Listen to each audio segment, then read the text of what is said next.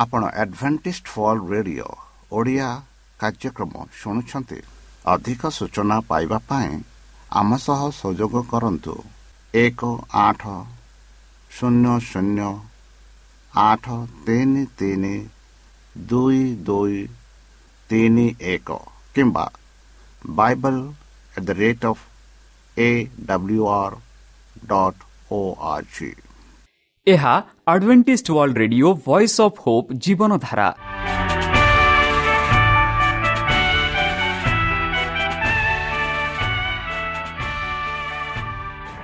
Odia radio କାର୍ଯ୍ୟକ୍ରମ ଯାହା ଆମର ଆନ୍ତର୍ଜାତୀୟ ଆଘାତ କେନ୍ଦ୍ରରୁ ପ୍ରସାରଣ କରାଯାଉଛି ପ୍ରତିଦିନ ରାତି ନଅଟା ତିରିଶ ମିନିଟ୍ରେ।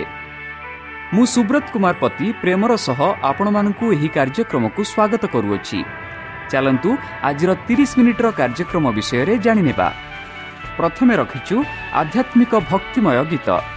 ଏହାପରେ ଶୁଣିବା ସ୍ୱାସ୍ଥ୍ୟ ବିଷୟରେ ଯାହା ଆମର ଦୈନିକ ଜୀବନରେ ଅତ୍ୟନ୍ତ ଜରୁରୀ। ଆଉ ପରିଶେଷରେ ଶୁଣିବା ପରମେଶ୍ୱରଙ୍କ ଭକ୍ତଙ୍କଠାରୁ ଜୀବନଦାୟକ ଈଶ୍ୱରଙ୍କ ବାକ୍ୟ। ପ୍ରିୟ ଶ୍ରୋତା ତାହେଲେ ଚାଲନ୍ତୁ ଶୁଣିବା ଏକ ଆଧ୍ୟାତ୍ମିକ ଭକ୍ତିମୟ ଗୀତ।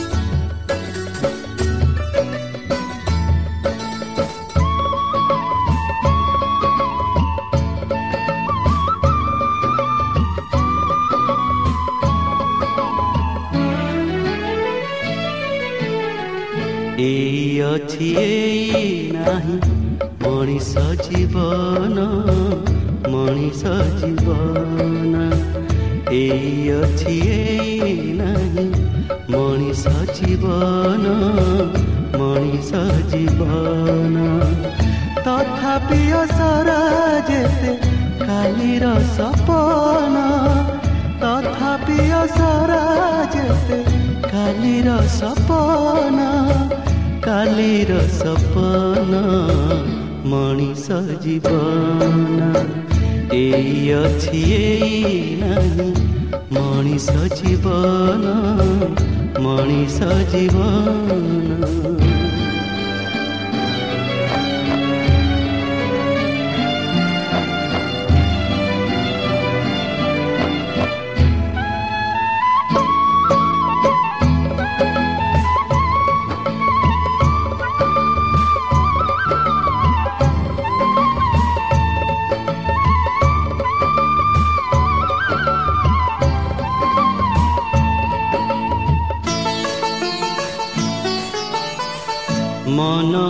আখি দেখে যাহা আগামীর পানি জানে না সে কালে সতে আসিব কি নাই মন আখি দেখে যাহা আগামীর পানি জানে না সে কালে সতে আসিব কি নাই কেহি তো ভবে না রহে জীবনে মরণ, কেহি তো ভাবে না রহে জীবনে মরণ জীবনে মরণ ମଣିଷ ଜୀବନ ଏଇ ଅଛି ଏଇ ନାହିଁ ମଣିଷ জীবন ମଣିଷ জীবন।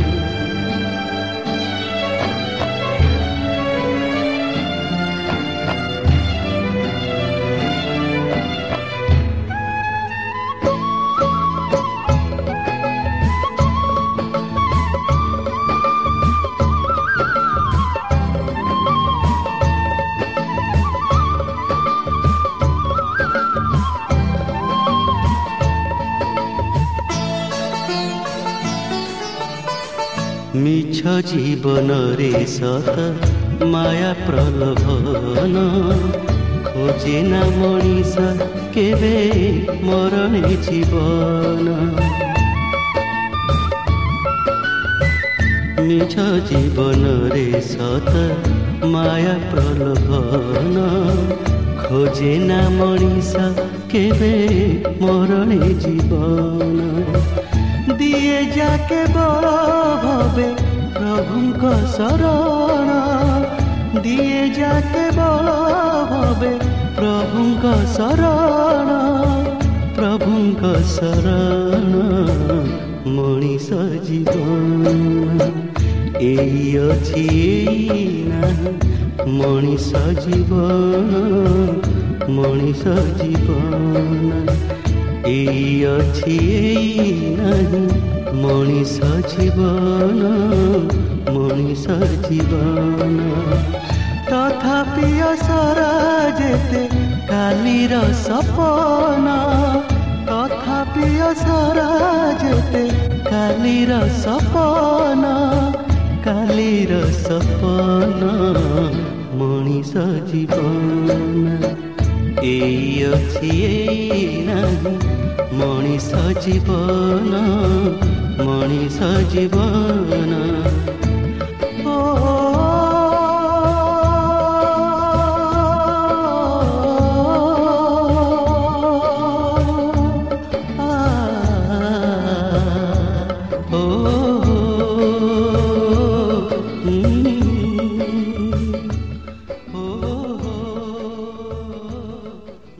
ଶ୍ରୋତା ଆମେ ଆଶା କରୁଛୁ ଯେ ଆମର କାର୍ଯ୍ୟକ୍ରମ ଆପଣମାନଙ୍କୁ ପସନ୍ଦ ଲାଗୁଥିବ ଆପଣଙ୍କର ମତାମତ ଜଣାଇବା ପାଇଁ ଆମର ଏହି ଠିକଣାରେ ଯୋଗାଯୋଗ କରନ୍ତୁ ଆମ ଠିକଣା Adventist Media Center SDA Mission Compound Salisbury Park Pune ଚାରି ଏକ ଏକ ଶୂନ ତିନି ସାତ ମହାରାଷ୍ଟ୍ର ବା ଖୋଲନ୍ତୁ ଆମର ୱେବସାଇଟ୍ ଯେକୌଣସି Android phone smartphone desktop laptop କିମ୍ବା ଟ୍ୟାବ୍ଲେଟ୍ ଆମର website W W W dot A W R dot O R G slash O R I ଏବଂ W W W dot Adventist Media Center India dot O R G ବର୍ତ୍ତମାନ ଚାଲନ୍ତୁ ଶୁଣିବା ଈଶ୍ୱରଙ୍କ ଭକ୍ତଙ୍କଠାରୁ ଈଶ୍ୱରଙ୍କ ଜୀବନଦାୟକ ବାକ୍ୟ। ନମସ୍କାର ପ୍ରିୟ ଶ୍ରୋତା। ସେହି ସର୍ବଶକ୍ତି ସର୍ବଜ୍ଞାନୀ ପ୍ରେମର ସାଗର ଦୟାମୟ ଅନ୍ତର୍ଜମୀ ଅନୁଗ୍ରହ ପରମ ପିତାଙ୍କ ମଧୁର ନାମରେ ମୁଁ ପାଷ୍ଟ ପୂର୍ଣ୍ଣଚନ୍ଦ୍ର ଆଉ ଥରେ ଆପଣମାନଙ୍କୁ ଏହି କାର୍ଯ୍ୟକ୍ରମରେ ସ୍ୱାଗତ କରୁଅଛି। ସେହି ସର୍ବଶକ୍ତି ପରମେଶ୍ୱର ଆପଣଙ୍କୁ ଆଶୀର୍ବାଦ କରନ୍ତୁ। ଆପଣଙ୍କୁ ସମସ୍ତ ପ୍ରକାର ଦୁଃଖ କଷ୍ଟ ବାଧା କ୍ଲେଶ ଓ ରୋଗରୁ ଦୂରେଇ ରଖନ୍ତୁ। ଶତ୍ରୁ ସୈତାନ ହସ୍ତରୁ ସେ ଆପଣଙ୍କୁ ସୁରକ୍ଷାରେ ରଖନ୍ତୁ। ତାହାଙ୍କ ପ୍ରେମ ତାହାଙ୍କ ସ୍ନେହ ତାହାଙ୍କ କୃପା ତାହାଙ୍କ ଅନୁଗ୍ରହ ସଦାସର୍ବଦା ଆପଣଙ୍କଠାରେ ସହବର୍ତ୍ତୀ ରହ। ପ୍ରିୟ ସଦା ଚାଲନ୍ତୁ। ଆଜି ଆମ୍ଭେମାନେ କିଛି ସମୟ ପବିତ୍ର ଶାସ୍ତ୍ର ବାଇବଲଠୁ ତାହାଙ୍କ ବାକ୍ୟ ଧ୍ୟାନ କରିବା। ଆଜିର ଆଲୋଚନା ହେଉଛି ପିତା ପୁତ୍ର ଏବଂ ପବିତ୍ର ଆତ୍ମା। ରୋମିଓ ଏଗାର ତେତିଶ ଟୁ ଛତିଶ ଆମେ ପାଉଅଛୁ ଏହିପରି। ଆହା ଈଶ୍ୱରଙ୍କ ବୁଦ୍ଧି ଓ ଜ୍ଞାନ ରୂପ ନିଧି କିଡ଼େ ଗଭୀରଣ। ତାହାଙ୍କର ବିଚାର ସବୁ କିପରି ବରୋଧ ଅଗମ୍ୟ ଓ ତାହାଙ୍କ ସବୁ ପଥ ପଥ ସବୁ କିପରି ସନ୍ଦେହ କାରଣ ପ୍ରଭୁଙ୍କର ମନ କିଏ ଜାଣନ୍ତି କିମ୍ବା ତାହାଙ୍କର ମନ୍ତ୍ରୀ କିଏ ହୋଇଛନ୍ତି ଅବା କିଏ ତାହାଙ୍କୁ ପ୍ରଥମରେ ଦାନ କରିଛନ୍ତି ଆଉ ତାଙ୍କୁ ପ୍ରତିଦାନ କରାଯିବ। ଯେଣୁ ସମସ୍ତ ବିଷୟ ତାଙ୍କଠାରୁ ତାଙ୍କ ଦ୍ୱାରା ଓ ତାହାଙ୍କ ନିମନ୍ତେ ଯୁଗେ ଯୁଗେ ଗୌରବ ତାଙ୍କର। ଆମେନ୍। ବନ୍ଧୁ ଏହିପରି ଗୀତ ସଙ୍ଗୀତା ଏହିପରି ସାଧୁ ପାଲ ଲେଖନ୍ତି ରୋମିଓ ଏଗାର ତେତିଶ ଛତିଶ। ସେଇ ଯୀଶୁଖ୍ରୀଷ୍ଟଙ୍କ ବିଷୟରେ ବର୍ଣ୍ଣନା କରି ସେ ଲେଖନ୍ତି ଯେଣୁ ସମସ୍ତ ବିଷୟ ତାଙ୍କ ଠାରୁ ତାଙ୍କ ଦ୍ୱାରା ଓ ତାଙ୍କ ନିମନ୍ତେ ଯୁଗେ ଯୁଗେ ଗୌରବ ତାହାଙ୍କର ବୋଲି ସେ କହନ୍ତି। ବନ୍ଧୁ ଆମେ ଏହି ବିଷୟକୁ ସୁଧାର ସହ ଗ୍ରହଣ କରିଥାଉ ଏବଂ ଏକ ସ୍ୱୀକୃତି ସହିତ ଗ୍ରହଣ କରିଥାଉ ଯେ ପ୍ରକାଶ ପ୍ରକାଶିତ ହୋଇନଥିବା ବିଷୟରେ ଆମର ଅନୁମାନ କରିବାର କୌଣସି ଅଧିକାର ନାହିଁ। ମଶାଙ୍କ ଦିନରେ ପରମେଶ୍ୱରଙ୍କ ଏକତା ଘୋଷଣା କରିଥିଲା କରିଥିଲେ। ସଦାପ୍ରଭୁ ସଦାପ୍ରଭୁ ଆମର ପରମେଶ୍ୱର ଏକ ପ୍ରଭୁ ଅଟନ୍ତି ବୋଲି। ପଢ଼ନ୍ତୁ ଦ୍ୱିତୀୟ ବିବରଣ ଛଅ ଚାରି। ଯୀଶୁ ଏହାକୁ ଉଦାହରଣ ଦେଇ କହିଥିଲେ ଯେ ଏହା ସମସ୍ତଙ୍କର ପ୍ରଥମ ଆଦେଶ ଥିଲା ଯାହା ଆମେ ମାର୍କ ବାର ଅଣତିରିଶରେ ପାଉଛୁ। ତେଣୁ ଖ୍ରୀଷ୍ଟିଆନ ଜୀବନ ବିଶ୍ୱାସ ଏକସ୍ୱରୀୟ ଏକସ୍ୱରବାଦୀ ଅଟେ। ତଥାପି ଯୀଶୁ ତାଙ୍କ ଶିଷ୍ୟମାନଙ୍କୁ ପିତା ପୁତ୍ର ଓ ପବିତ୍ର ଆତ୍ମା ନାମରେ ବାପ୍ତିଜମ ଦେବାକୁ କହିଥିଲେ। ଯାହା ପଢ଼ୁଛୁ ଆମେ ପାଉଛୁ। ମାଥ୍ୟୁ ତାର ଅଠେଇଶ ଉଣେଇଶରେ ଏଥିରୁ ଜଣାପଡ଼େ ଯେ ଗୋଟିଏରେ ତିନି ଜଣ ଭାରତୀୟ ଅଛନ୍ତି। ଯୀଶୁ ତାଙ୍କ ଶିଷ୍ୟମାନଙ୍କର ପରମେଶ୍ୱରଙ୍କୁ ଆମର ପିତା ଭାବରେ ସମ୍ବୋଧନ କରିବାକୁ ଶିକ୍ଷା ଦେଇଥିଲେ ଯାହା ମାତୃ ଛଅ ନରେ ଆମେ ପାଉଅଛୁ। ସେ ନିଜେ ଈଶ୍ୱରଙ୍କୁ ତାଙ୍କ ପିତା ବୋଲି ସମ୍ବୋଧନ କରୁଥିଲେ ଯାହା ଆମେ ଜହନ ଏଗାର ଏକଚାଳିଶରେ ପାଉଛୁ। ତାଙ୍କ ବାଟିସ୍ମ ସମୟରେ ପବିତ୍ର ଆତ୍ମା କୁବୁତ୍ତ ରୂପରେ ତାଙ୍କ ଉପରକୁ ଓହ୍ଲାଇଲେ ଯାହା ପଢ଼ନ୍ତୁ ମାତୃ ତିନି ଷୋହଳରେ। ସ୍ୱର୍ଗରୁ ଏକ ସ୍ୱର କହିଲା ଏହି ମୋର ପ୍ରିୟ ପୁତ୍ର ପଢ଼ନ୍ତୁ ସତ୍ର ପଦରେ ଆମେ ପାଉଅଛୁ। ଏହି ଗ୍ରନ୍ଥ ଏବଂ ଅନ୍ୟମାନେ ଆମକୁ ବିଶ୍ୱାସ କରିବାକୁ ପ୍ରେରଣା ଦିଅନ୍ତି ଯେ ଆମର ଚମତ୍କାର ପରମେଶ୍ୱର ଗୋଟିଏରେ ତିନୋଟି ବ୍ୟକ୍ତି ଏକ ମନ ଦିବାକର ରହସ୍ୟ କିନ୍ତୁ ଏକ ସତ୍ୟ ଯାହାକୁ ଆମେ ବିଶ୍ୱାସ ଦ୍ୱାରା ଗ୍ରହଣ କରିଥାଉ। କାରଣ ଶାସ୍ତ୍ର ଏହା ପ୍ରକାଶ କରୁଅଛି। ଇତିହାସରେ ଲୋକମାନେ ଅନେକ ଦେବତାଙ୍କୁ ପୂଜା କରନ୍ତି କିନ୍ତୁ କେବଳ ଜଣେ ପରମ ଦେବତା ଅଛନ୍ତି ସେ ହେଉଛନ୍ତି ଈଶ୍ୱର। ସେମାନଙ୍କ ବିଷୟରେ ଥିବା ଜାତିମାନଙ୍କ ତୁଳନାରେ ଯେଉଁମାନେ ବହୁ ଧର୍ମ ବହୁ ଧର୍ମବାଦୀ ଥିଲେ ହିବ୍ରୁମାନେ ଗୋଟିଏ ପ୍ରକୃତ ପରମେଶ୍ୱରଙ୍କୁ ବିଶ୍ୱାସ କରୁଥିଲେ। ବିଶ୍ୱାସର ଏହି ବୃତ୍ତି ତିରିଶ ବର୍ଷରୁ ଅଧିକ ସମୟ ଧରି ହିବ୍ରୁ ତିନିଶହ ବର୍ଷରୁ ଅଧିକ ଧରି ହିବ୍ରୁ ଜାତିର ପର୍ଯ୍ୟବେକ୍ଷକ ପାଲଟିଛି। ପଢ଼ନ୍ତୁ ମାର୍କ ବାର ଅଣତିରିଶ। ପ୍ରେରିତ ପାଉଲ ଖ୍ରୀଷ୍ଟିଆନର ଧର୍ମର ସିଦ୍ଧାନ୍ତ ବୋଲି ସମାନ ସତ୍ୟ କରନ୍ତି ଯାହା ଆମେ ପ୍ରଥମ କରନ୍ତି ଆଠ ଚାରି ଟୁ ଛଅ ଇଭିସିଓ ଚାରି ଚାରି ଟୁ ଛଅରେ ଆମେ ପାଉଅଛୁ। ପ୍ରକୃତି ମଧ୍ୟ ଆମକୁ ଈଶ୍ୱରଙ୍କ ବିଷୟରେ କହିଥାଏ ଯାହା ଗୀତ ସଂହିତା ଉଣେଇଶ ଏକରେ ଆମେ ପାଉଅଛୁ। ଏହା ଆମକୁ କହିଥାଏ ଯେ ଜଣେ ଈଶ୍ୱର ଅଛନ୍ତି ଯିଏ ଏହାକୁ ସୃଷ୍ଟି କରିଥିଲେ କାରଣ ଏହା ନିଜେ ସୃଷ୍ଟି ହୋଇନଥିଲା। ଏହା ଆମକୁ ଈଶ୍ୱରଙ୍କ ମହାନତା ବିଷୟରେ ମଧ୍ୟ କହିଥାଏ। କାରଣ କେବଳ ପ୍ରକୃତ ଈଶ୍ୱରଙ୍କୁ ହିଁ ଏହାର ନକ୍ଷତ୍ରମାନଙ୍କ ସହିତ ବିଳାସ ବ୍ରହ୍ମାଣ୍ଡ ସୃଷ୍ଟି କରିପାରନ୍ତି ପ୍ରକୃତିର ଅସୀମ ବିବରଣୀ ଏବଂ ସୁଗ୍ନ ଘଟଣା ସହିତ କେବଳ ପ୍ରକୃତ ଈଶ୍ୱର ହିଁ ପ୍ରକୃତିର ସମସ୍ତ ଦିଗକୁ ଆକାରିତ କରିପାରିଥାନ୍ତେ। ପ୍ରକୃତି ଠାରୁ ଆଗକୁ ଯାଇ ପ୍ରକୃତ ଈଶ୍ୱରଙ୍କ ଦର୍ଶନ କରିବା ଏବଂ ନକ୍ଷତ୍ର ଜଗତ ଏବଂ ଏଥିରେ ଥିବା ସବୁକିଛି ସୃଷ୍ଟି କରିଥିବା ତାଙ୍କ ଉପାସନା କରିବା ଠାରୁ ଭଲ ଆଉ କିଛି ହୋଇପାରିବ ନାହିଁ। ଯଦି ଆମେ ପଢ଼ିବା ମାଥ୍ୟୁ ତାର ଅଠେଇଶ ଉଣେଇଶରେ ଏଠି ବାପ୍ତିସ୍ମ ଶବ୍ଦରେ ଏହା ଉଲ୍ଲେଖନୀୟ ଯେ ନାମ ଶବ୍ଦଟି ଏକକରେ ଅଛି କିନ୍ତୁ ଏହା ପରେ ପିତା ପୁତ୍ର ଏବଂ ପବିତ୍ର ଆତ୍ମା ତିନୋଟି ନାମ ରହିଅଛି। ଆଜିର କାଲି ଆଜିକାଲି ଆମେ ଏହିପରି ବିଶ୍ୱାସ କରିଥାଉ। ଯଦି ଆମେ ମନୁଷ୍ୟର ବ୍ୟକ୍ତିଗତ ଭାବନାକୁ ସହ ତୁଳନା କରୁ ସେତେବେଳେ ଆମେ କହିବୁ ଯେ ତିନି ଜଣ ବ୍ୟକ୍ତି ଅର୍ଥ ନିଜ ଜଣ ବ୍ୟକ୍ତି। ଜଣ ବ୍ୟକ୍ତି। କିନ୍ତୁ ତାପରେ ଆମର ତିନୋଟି ଭାବନା ଭ୍ରାତୃ କିନ୍ତୁ ଇତିହାସ କ୍ରିୟା ଦିଆ ନିଅଟି ବ୍ୟକ୍ତିଟି ଶବ୍ଦକୁ ଏକ ସ୍ୱତନ୍ତ୍ର ଅର୍ଥ ଦେଇଛି ଏକ ବ୍ୟକ୍ତିଗତ ଆତ୍ମା ଭେଦଭାବ ଯାହା ଏକତା ଧାରଣାକୁ ନଷ୍ଟ କରି ନ କରି ଈଶ୍ୱରଙ୍କ ବ୍ୟକ୍ତିତ୍ୱର ସ୍ୱତନ୍ତ୍ରତା ପ୍ରଦାନ କରେ ଏହି ଧାରଣାକୁ ବୁଝିବା କିମ୍ବା ବୁଝାଇବା ସହଜ ନୁହେଁ ଏହା ଈଶ୍ୱରଙ୍କ ରହସ୍ୟ ଏକ ଅଂଶ। ଏହି ଏଥିରେ ପରମେଶ୍ୱର ପାଇଁ ହିବ୍ରୁ ଶବ୍ଦ ହେଉଛି ଏଲୋମିଓ ଏକ ବହୁବଚନ ରୂପ। ତଥା ତଥାପି ବାରା ସୃଷ୍ଟି କ୍ରିୟାପଦ ଏକକର ରୂପରେ ଅଛି। ଈଶ୍ୱର କହୁଛନ୍ତି ଅର୍ଥାତ୍ ସେ ସୃଷ୍ଟିର ବାକ୍ୟ ବ୍ୟବହାର କରିଛନ୍ତି। ଯାହା ଦେଖନ୍ତୁ ଜହନ ଏକ ଏକରେ ଆମେ ଦେଖୁଅଛୁ। ଏବଂ ପରମେଶ୍ୱରଙ୍କ ଆତ୍ମା ପାଣିର ମୁହଁ ଉପରେ ଗତି କଲେ। ଏଠାରେ ଅତି କମ୍ରେ ଏକରୁ ଅଧିକ ବ୍ୟକ୍ତିଙ୍କ ସଂକେତ ମିଳିଥିବା ଜଣାପଡ଼ିଛି ଏହି ଉଚ୍ଚାରଣ ଆମର ଏବଂ ଆମର ବ୍ୟବହାର ମଧ୍ୟ ଧ୍ୟାନ ଦିଅନ୍ତୁ। ଆସନ୍ତୁ ମନୁଷ୍ୟକୁ ଆମ ପ୍ରତିମୂର୍ତ୍ତି ତିଆରି କରିବା। ଏହିପରି ଆମେ ଦେଖୁଅଛୁ ଆଦି ପୁସ୍ତକ ଏକ ଛବିଶରେ। ପ୍ରାରମ୍ଭିକ ଚର୍ଚ୍ଚ ଧର୍ମବିଦ୍ୟାମାନେ ଆମେ ଆମକୁ ପ୍ରାୟ ସର୍ବ ସର୍ବସମ୍ମତି କ୍ରମେ ଈଶ୍ୱରଙ୍କ ତିନି ଜଣ ବ୍ୟକ୍ତିଙ୍କ ପ୍ରତି ଅପମାନଜନକ ଭାରେ ବିବେଚନା କରୁଥିଲେ। ସ୍ୱର୍ଗୀୟ ତିନୋଟିର ତିନି ଜଣ ଜୀବିତ ବ୍ୟକ୍ତି ଅଛନ୍ତି। ଏହି ତିନୋଟି ମହାନ ଶକ୍ତି ପିତା ପୁତ୍ର ଏବଂ ପବିତ୍ର ଆତ୍ମା ନାମରେ ଜଣାପଡ଼ୁଅଛି। ଯେଉଁମାନେ ଜୀବନ୍ତ ବିଶ୍ୱାସ ଦ୍ୱାରା ଖ୍ରୀଷ୍ଟଙ୍କୁ ଗ୍ରହଣ କରନ୍ତି ସେମାନଙ୍କୁ ବାପିସ୍ମ ଦିଆଯାଏ ଏବଂ ଏହି ଶକ୍ତିମାନ ଖ୍ରୀଷ୍ଟଙ୍କଠାରେ ନୂତନ ଜୀବନ ବଞ୍ଚିବା ପାଇଁ ସ୍ୱର୍ଗର ଆଜ୍ଞାବାନ ପ୍ରଜାମାନଙ୍କ ସହିତ ସହଯୋଗ କରିବେ। ତାଙ୍କର ଏଭଳି ଚିତ୍ର ସମସ୍ତଙ୍କୁ ଆଚର୍ଯ୍ୟ କରିବା ଉଚିତ।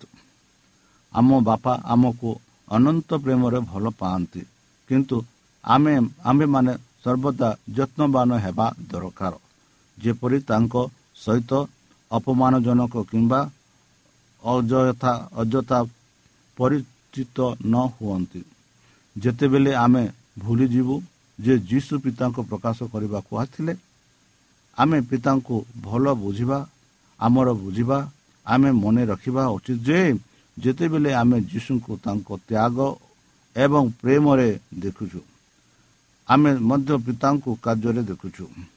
ଆମେ କେବେ ବି ଗୋଟିଏ କାର୍ଯ୍ୟରୁ କାର୍ଯ୍ୟକୁ ଅନ୍ୟ କାର୍ଯ୍ୟରେ କାର୍ଯ୍ୟଠାରୁ ଅଲଗା ରଖିବା ଉଚିତ ନୁହେଁ। ପରମେଶ୍ୱର ଦାବି କରିଛନ୍ତି ଦାବି କରନ୍ତି ନାହିଁ ଏବଂ ଯୀଶୁ ଅନୁରୋଧ କରନ୍ତି ସେମାନେ ଦୁହେଁ ଦାବି କରନ୍ତି ଏବଂ ଦୁହେଁ ଅନୁରୋଧ କରନ୍ତି। ଖ୍ରୀଷ୍ଟ ପରମେଶ୍ୱରଙ୍କ ଦୟା କୋମଳତା ଏବଂ ଦୟାରେ ପରିପୂର୍ଣ୍ଣ ପ୍ରେମରେ ପରମେଶ୍ୱର ଭାବରେ ଦୁନିଆକୁ ପ୍ରକାଶ କରିବାକୁ ଆସିଥିଲେ। ଶୈତାନ ଯେଉଁ ଘନ ଅନ୍ଧକାରରେ ଈଶ୍ୱରଙ୍କ ସିଂହାସନକୁ ଘେରିବାକୁ ଚେଷ୍ଟା କରିଥିଲା ତାହା ଦୁନିଆର ମୁକ୍ତିଦାତାଙ୍କ ଦ୍ୱାରା ଭାସିଗଲା ଏବଂ ପିତା ପୁନର୍ବାର ଜୀବନର ଆଲୋକ ଭାବରେ ଲୋକମାନଙ୍କ ନିକଟରେ ପ୍ରକାଶ ପାଇଲେ। ଯେତେବେଳେ ଫିଲିପ୍ସ ଯୀଶୁଙ୍କ ନିକଟକୁ ଆସି କହିଲେ ଆମକୁ ପିତାଙ୍କୁ ଦେଖାନ୍ତୁ ଏବଂ ଏହା ଆମମାନଙ୍କ ପାଇଁ ଯଥେଷ୍ଟ ବୋଲି ଅନୁରୋଧ କରି ଆସିଥିଲେ ତ୍ରାଣକର୍ତ୍ତା ତାଙ୍କୁ ଉତ୍ତର ଦେଲେ ମୁଁ ତୁମମାନଙ୍କ ସହିତ ଏତେ ଦିନ ରହିଥିଲି କି ତଥାପି ତୁମେ ମୋତେ ଜାଣିନାହ? ଫିଲିପ୍ସ ଏହିପରି ଯୀଶୁଖ୍ରୀଷ୍ଟ କହିଥିଲେ ଯିଏ ମୋତେ ଦେଖିଛି ସେ ପିତାଙ୍କୁ ଦେଖିଛି। ଏବଂ ତୁମେ କେମିତି କହୁଛ ଆମକୁ ଦେଖ? ପିତା ତା ଖ୍ରୀଷ୍ଟ ନିଜକୁ ପିତାଙ୍କ ପ୍ରତିନିଧି ଭାବରେ ଦୁନିଆ ଠାରୁ ପଲାଇ ପଠାଇବା ପାଇଁ ଘୋଷଣା କରନ୍ତି। ତାଙ୍କର ଚରିତ୍ରର ଅଭିଜ୍ଞାତରେ ତାଙ୍କର ଦୟା ଏବଂ କମଳ ଦୟାରେ ତାଙ୍କ ପ୍ରେମ ଏବଂ ମଙ୍ଗଳରେ ସେ ଆମ ସମ୍ମୁଖରେ ଦିବ୍ୟ ପୂର୍ଣ୍ଣତାରେ ପ୍ରତିମୂର୍ତ୍ତି ଆଦୃଶ୍ୟ ପରମେଶ୍ୱରଙ୍କ ପ୍ରତିମୂର୍ତ୍ତି ଭାବରେ ଠିଆ ହୋଇଛନ୍ତି। ବନ୍ଧୁ ପୃଥିବୀ ଈଶ୍ୱରଙ୍କର ସହ ଶତ୍ରୁତାରେ ଅଛି କାରଣ ଏହା ତାଙ୍କୁ ଭୁଲି ଯାଇଅଛି। ପରମେଶ୍ୱର ପ୍ରକୃତ ଦୂତ ହୋଇ ସେହି ଧାରଣାରୁ ପରିବର୍ତ୍ତନ କରିବା ପାଇଁ କରିବା ଆମ ପାଇଁ ଯିଏ ତାଙ୍କ ପ୍ରେମର ଚରିତ୍ରକୁ ପ୍ରତିଫଳିତ କରନ୍ତି। ମାଂସରେ ପରିଣତ ହେଲା ଯୀଶୁ ଆମମାନଙ୍କ ମଧ୍ୟରେ ବାସ କରିବାକୁ ଆସିଲେ ଏବଂ ଆମ୍ଭେ ଦେଖିଲୁ ଯେ ତାଙ୍କ ମହିମା ପିତାଙ୍କ ଏକମାତ୍ର ପୁତ୍ରଙ୍କ ଭଳି ମହିମା ଦୟା ଓ ସତ୍ୟରେ ପରିପୂର୍ଣ୍ଣ। ଜହନ ଏକ ଚଉଦ ଅଠରେ ଈଶ୍ୱର ଦେଖି କେହି ଦେଖି ନାହାନ୍ତି କିନ୍ତୁ ପରମେଶ୍ୱର ଏକମାତ୍ର ପୁତ୍ର ଯିଏ ପିତାଙ୍କ ହୃଦୟରେ ସବୁଠାରୁ ନିକଟର ସେ ତାଙ୍କୁ ପରିଚିତ ହେଉଛନ୍ତି ବୋଲି ଆମେ ପାଉଅଛୁ। ତାର ଜହନ ତାର ଏକ ଟୁ ଚାରି ଆମେ ପାଉଛୁ ଜହନ ଚାହୁଁଛନ୍ତି ଯେ ଆମେ ନିଶ୍ଚିତ ହୁଅନ୍ତୁ ଯେ ଜୀବିତ ପରମେଶ୍ୱରଙ୍କ ପୁତ୍ର ଯୀଶୁଙ୍କ ଠାରେ ଆମେ ପୂର୍ଣ୍ଣ ପରମେଶ୍ୱରଙ୍କ ଚିହ୍ନି ପାରିବା। ସେ ଥିଲେ ଈଶ୍ୱର ଅବତାର। ସେ ପିତାଙ୍କ ସହିତ ଏକ ଥିଲେ ଏବଂ ଅନନ୍ତ କାଳରୁ ତାଙ୍କ ସହିତ ରହିଥିଲେ। ଅନ୍ୟ ଏକ ଅଧ୍ୟାୟରେ ଯୀଶୁ କହନ୍ତି ଯେ ପିତା ଆରାମଦାୟଙ୍କୁ ପଠାଇବେ। ଜହନ ଚଉଦ ଛବିଶ। ପିତା ପୁତ୍ର ଏବଂ ପବିତ୍ର ଆତ୍ମାଙ୍କ ମଧ୍ୟରେ ସମ୍ପୂର୍ଣ୍ଣ ସହଯୋଗ ବୋଲି ମନେ ହୁଏ। ତିନି ଜଣ ବ୍ୟକ୍ତିଙ୍କ ମଧ୍ୟରେ ଏହି ସମ୍ପୂର୍ଣ୍ଣ ସହଯୋଗ ହେଉଛି ଖ୍ରୀଷ୍ଟଙ୍କ ଶିଷ୍ୟମାନଙ୍କୁ ତାଙ୍କ ବିଷୟରେ ଶକ୍ତିଶାଳୀ ସାକ୍ଷ୍ୟ ଦେବାର ଏବଂ ମୁକ୍ତିର ଶୁଭ ସୁସମାଚାର ପକା ପ୍ରଚାର କରିବାର ସାହାଯ୍ୟ କରିବ। ମଜାଦାର କଥା ହେଉଛି କେବଳ ପିତା ଓ ପୁତ୍ର ଏକାଠି କାମ କରନ୍ତି ନାହିଁ ବରଂ ସନ୍ତାନ ସମାନନ୍ତରାଲ କାର୍ଯ୍ୟ କରିଥାନ୍ତି ବାବା ମୃତ୍ୟୁ ବ୍ୟକ୍ତିଙ୍କ ବଢ଼ାଇଥାନ୍ତି ପୁତ୍ର ମଧ୍ୟ ଯେମିତି ସେ ଯାହାକୁ ଚାହାନ୍ତି ତାକୁ ଜୀବନ୍ତ ଦିଅନ୍ତି ବିଚାର ବିଷୟରେ କହିବାକୁ ଗଲେ ପିତା ପୁତ୍ରଙ୍କୁ ଏହି ଅଧିକାର ଦେଇଥିବା ପରି ମନେ ହୁଏ ତେଣୁ ପାରସ୍ପରିକ ସମ୍ମାନ ରହିବ ଯୀଶୁଙ୍କ କଥା ଶୁଣିବା ଏବଂ ପିତାଙ୍କ ଉପରେ ବିଶ୍ୱାସ କରିବା ଉପରେ ଅନନ୍ତ ଜୀବନ ନିର୍ଭର କରେ। ଉଭୟ ବାପ ଉଭୟ ବାପା ଓ ପୁତ୍ର ନିଜ ଭିତରେ ଜୀବନ ବିତାଉଛନ୍ତି। ବନ୍ଧୁ ପୁନରୁତ୍ଥାନ ପରେ ଥମାସ ଯୀଶୁଙ୍କୁ ମୋର ପ୍ରଭୁ ଓ ମୋର ପରମେଶ୍ୱର ବୋଲି ଡାକିଲେ। ଖ୍ରୀଷ୍ଟଙ୍କର କ୍ଷତ ପରୀକ୍ଷା କରିବା ପରେ ଖ୍ରୀଷ୍ଟଙ୍କ ଦେବତା ବିଷୟରେ ତାଙ୍କ ମନରେ କୌଣସି ସନ୍ଦେହ ନଥିଲା। ଯୀଶୁ ଥମାସଙ୍କୁ କହିଲେ ଯେ ତାଙ୍କ ବିଶ୍ୱାସ କରିବେ ସାହାଯ୍ୟ କରିବା ପାଇଁ ତାଙ୍କୁ ସିଧାସଖଳ ସ୍ୱର୍ଗର ଅଧିକାର ଦିଆଯାଉଛି। ତାପରେ ଯୀଶୁ ସେହି ଲୋକମାନଙ୍କୁ ଆଶୀର୍ବାଦ ଦେଇଥିଲେ।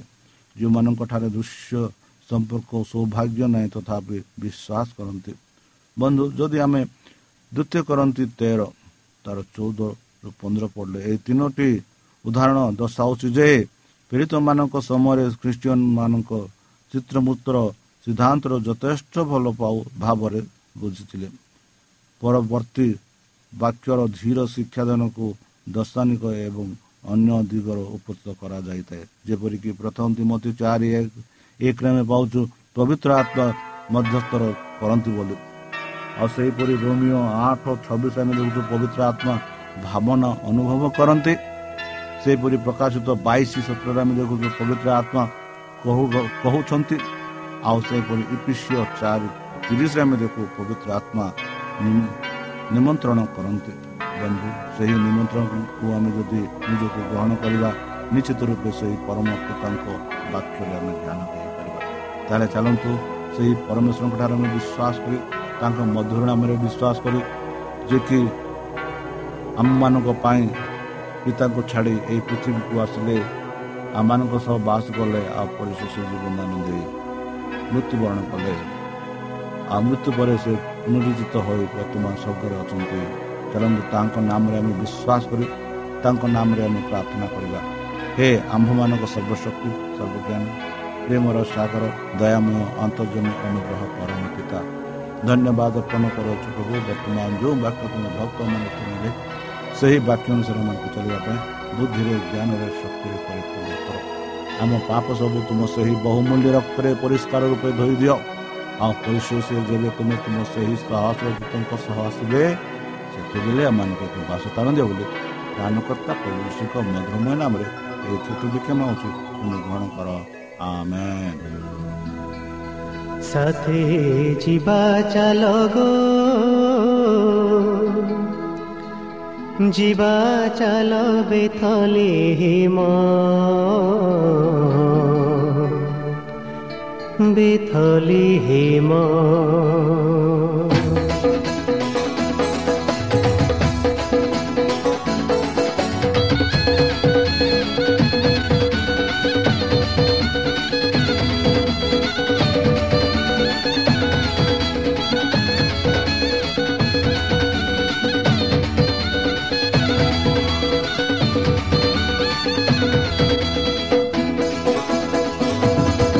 সাথী ଯିବା ଚାଲ ଗୋ ଯିବା ଚାଲ ବେଥଲେ ହିମ ବେଥଲେ ହିମ। ସାଥୀ ଯିବା ଚାଲ ଗୋ ଯିବା ଚାଲ ବେଥଲେ ହିମ ବେଥଲେ ହିମ।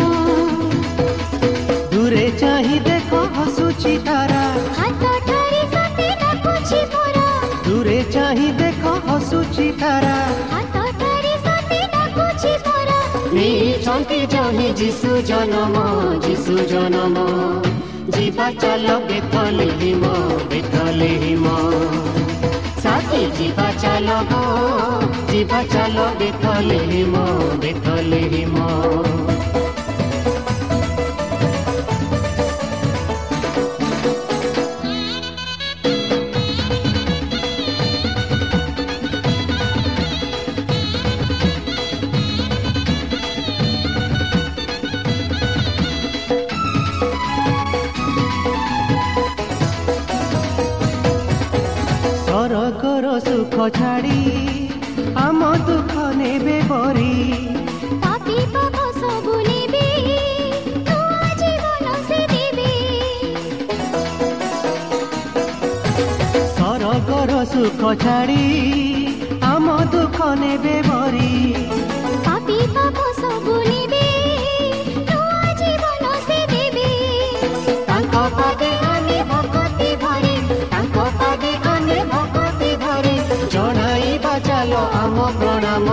ଆମ ପ୍ରଣାମ।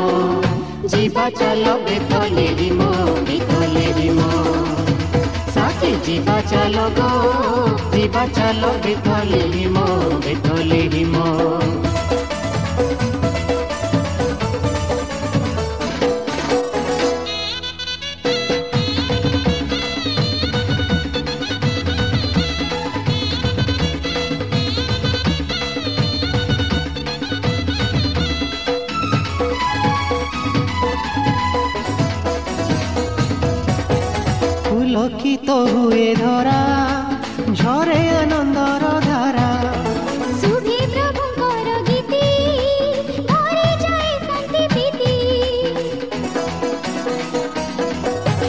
ପୁଲକିତ ହୁଏ ଧରା ଝରେ ଆନନ୍ଦର ଧାରା ଶୁଭେ ପ୍ରଭୁଙ୍କର ଗୀତି ଘରେ ଯାଏ ଶାନ୍ତି ପ୍ରୀତି ରାଜାଙ୍କର ରାଜା ଆମ ଯୀଶୁ ରାଜା ରାଜାଙ୍କର ରାଜା ଆମ ଯୀଶୁ ରାଜା ସେଇଠି ମସିହ ସାଥୀ ପରମ ସାଥୀ ପରମ প্রিয় শ্রোতা আমি আশা করুছু যে আমার কার্যক্রম আপনার পসন্দ লাগুথিব ଆପଣଙ୍କର ମତାମତ ଜଣାଇବା ପାଇଁ ଆମର ଏହି ଠିକଣାରେ ଯୋଗାଯୋଗ କରନ୍ତୁ ଆମ ଠିକଣା Adventist Media Center SDA Mission Compound Salisbury Park Pune ଚାରି ଏକ ଏକ ଶୂନ ତିନି ସାତ ମହାରାଷ୍ଟ୍ର ବା ଖୋଲନ୍ତୁ ଆମର ୱେବସାଇଟ୍ ଯେକୌଣସି Android phone smartphone desktop laptop କିମ୍ବା ଟ୍ୟାବ୍ଲେଟ୍ ଆମର website W W W dot A W R dot O R G slash O R I ଏବଂ www.adventistmediacenterindia.org ଆଡ଼ଭେଣ୍ଟେଜ୍ ମିଡ଼ିଆ ସେଣ୍ଟର ଇଣ୍ଡିଆର ସ୍ପେଲିଂ ହେଉଛି A D V E N T I S T M E D I A C E N T R E I N D I A ଅଥବା download କରନ୍ତୁ ଆମର mobile app ଆପଣଙ୍କର mobile play ଷ୍ଟୋର୍କୁ ଯାଆନ୍ତୁ ଆଉ type କରନ୍ତୁ the Voice of Hope ଆଉ download କରନ୍ତୁ ଈଶ୍ୱର ଆପଣଙ୍କୁ ଆଶୀର୍ବାଦ କରନ୍ତୁ। ଧନ୍ୟବାଦ।